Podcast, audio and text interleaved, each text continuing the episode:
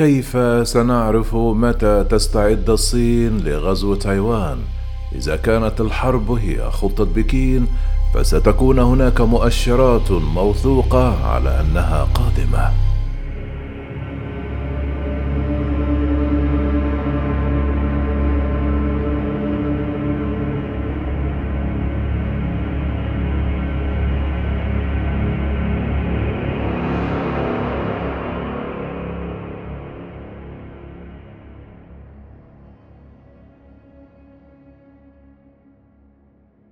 مع تصاعد التوترات بين الصين وتايوان والولايات المتحدة افترض العديد من المقالات والنقاد أن الحرب يمكن أن تأتي عاجلا وليس اجلا.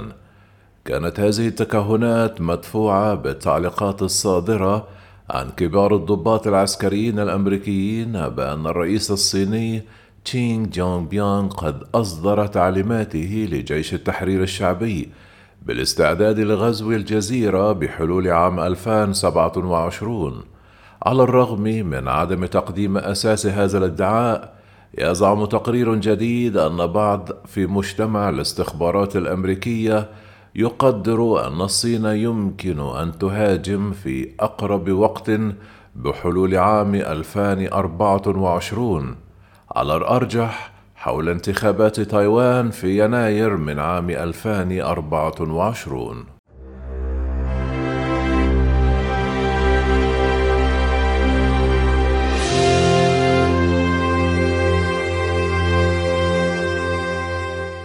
إذا كانت الحرب هي خطة بكين فيجب أن تكون هناك مؤشرات موثوقة على أنها قادمة.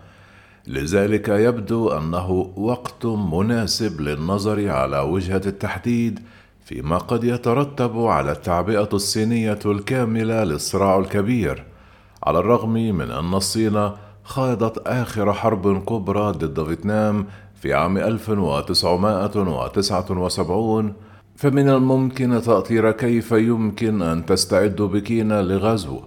وما هي المؤشرات المحددة التي يمكن أن نتوقع رؤيتها؟ سيعكس مثل هذا الصراع العسكري أربع افتراضات تدعم عملية صنع القرار من قبل القادة الصينيين. اولا تشير التقارير إلى أن شي والحزب الشيوعي الصيني يفهمان أن الغزو المباشر لجزيرة تايوان سيكون مهمة استراتيجية شاقة وسينهي أي عودة مفترضة إلى الوضع السابق. يمكن أن تستمر مثل هذه الحرب من سنوات إلى عقد. وستخضع الصين لعقوبات أمريكية وربما متعددة الأطراف وربما حتى حصار أمريكي. سوف يتحول أساس الشرعية المحلية للحزب الشيوعي الصيني من التركيز على توليد النمو الاقتصادي الذي ساد منذ عام 1978 إلى التركيز شبه الحصري على القومية في قضية إعادة توحيد تايوان مع الصين. ثانياً، كان الهدف السياسي للصين منذ التطبيع الدبلوماسي بين الولايات المتحدة الأمريكية والصين في عام 1979 هو الحفاظ على إمكانية التوحيد السياسي مع تايوان في مرحلة غير محددة في المستقبل. سعت بكين إلى تحقيق هذا الهدف من خلال تعزيز التكامل الاقتصادي السريع مع تايوان، وحتى تفشي جائحة الفيروس التاجي، مكنت من توسيع نطاق السفر عبر المضيق بشكل كبير، حيث يزور ملايين السياح الصينيين تايوان سنويًا.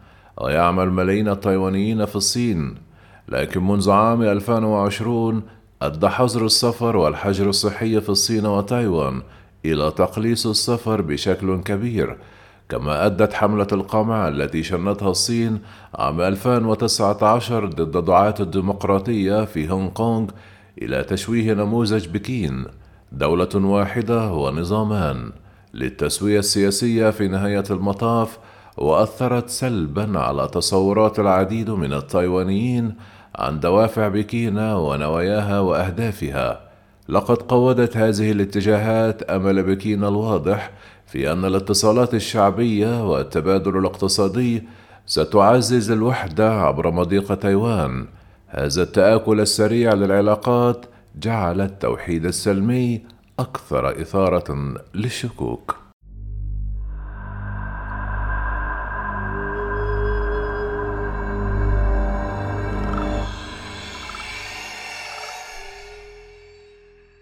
ولطالما كانت الاستراتيجية السياسية للصين من أجل التوحيد تشتمل على عنصر عسكري فضلا عن المكونات الاقتصادية والمعلوماتية والقانونية والدبلوماسية.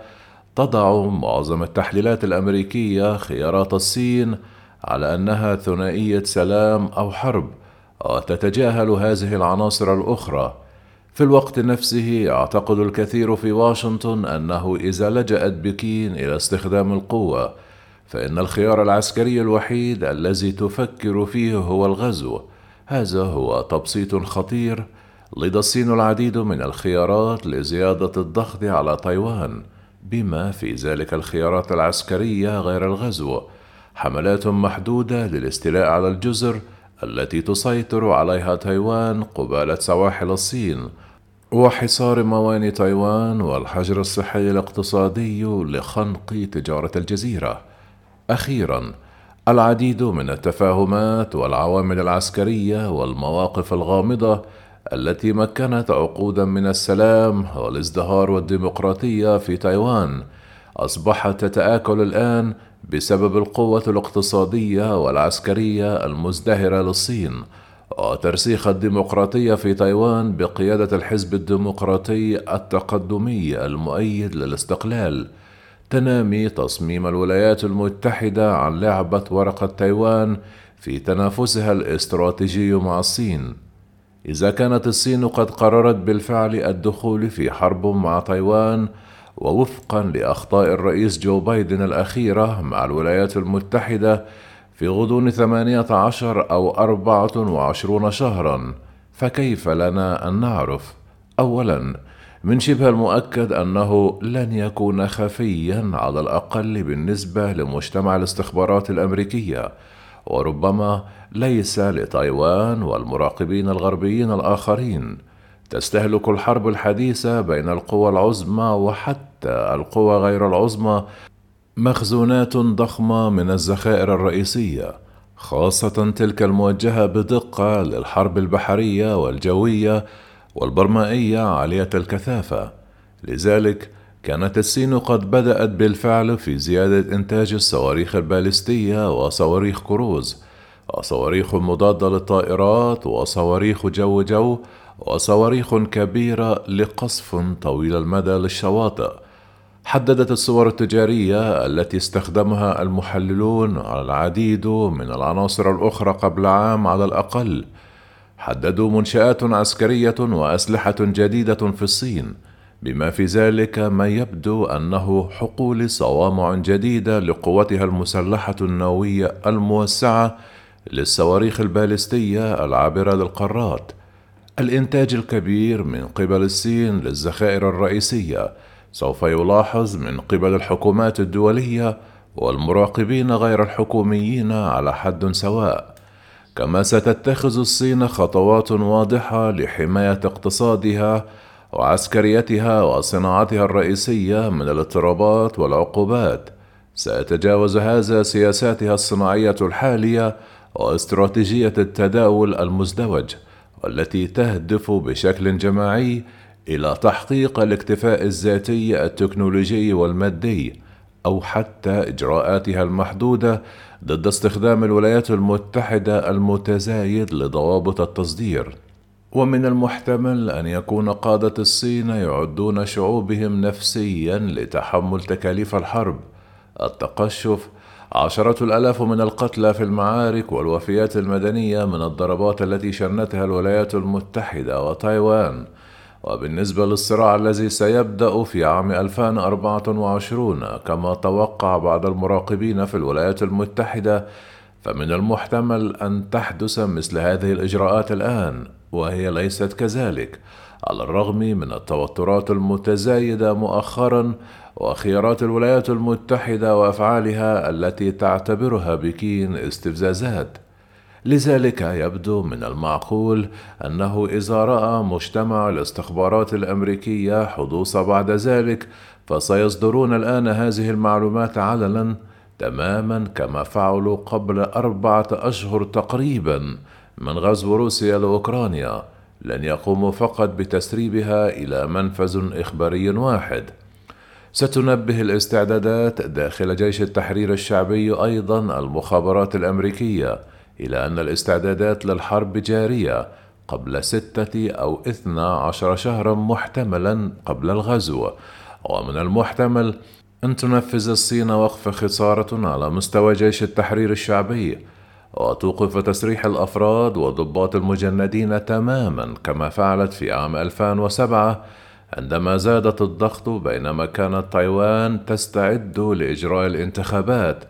كان المسؤولون الصينيون قد أعلنوا بالفعل عن هذه التحركات إذا خططوا حقا لاستخدام القوة في أقرب وقت بحلول عام 2024 بعد ثلاثة إلى ستة أشهر سيوقف جيش التحرير الشعبي أيضا معظم التدريبات المنتظمة ويؤدي الصيانة على جميع المعدات الرئيسية تقريبا.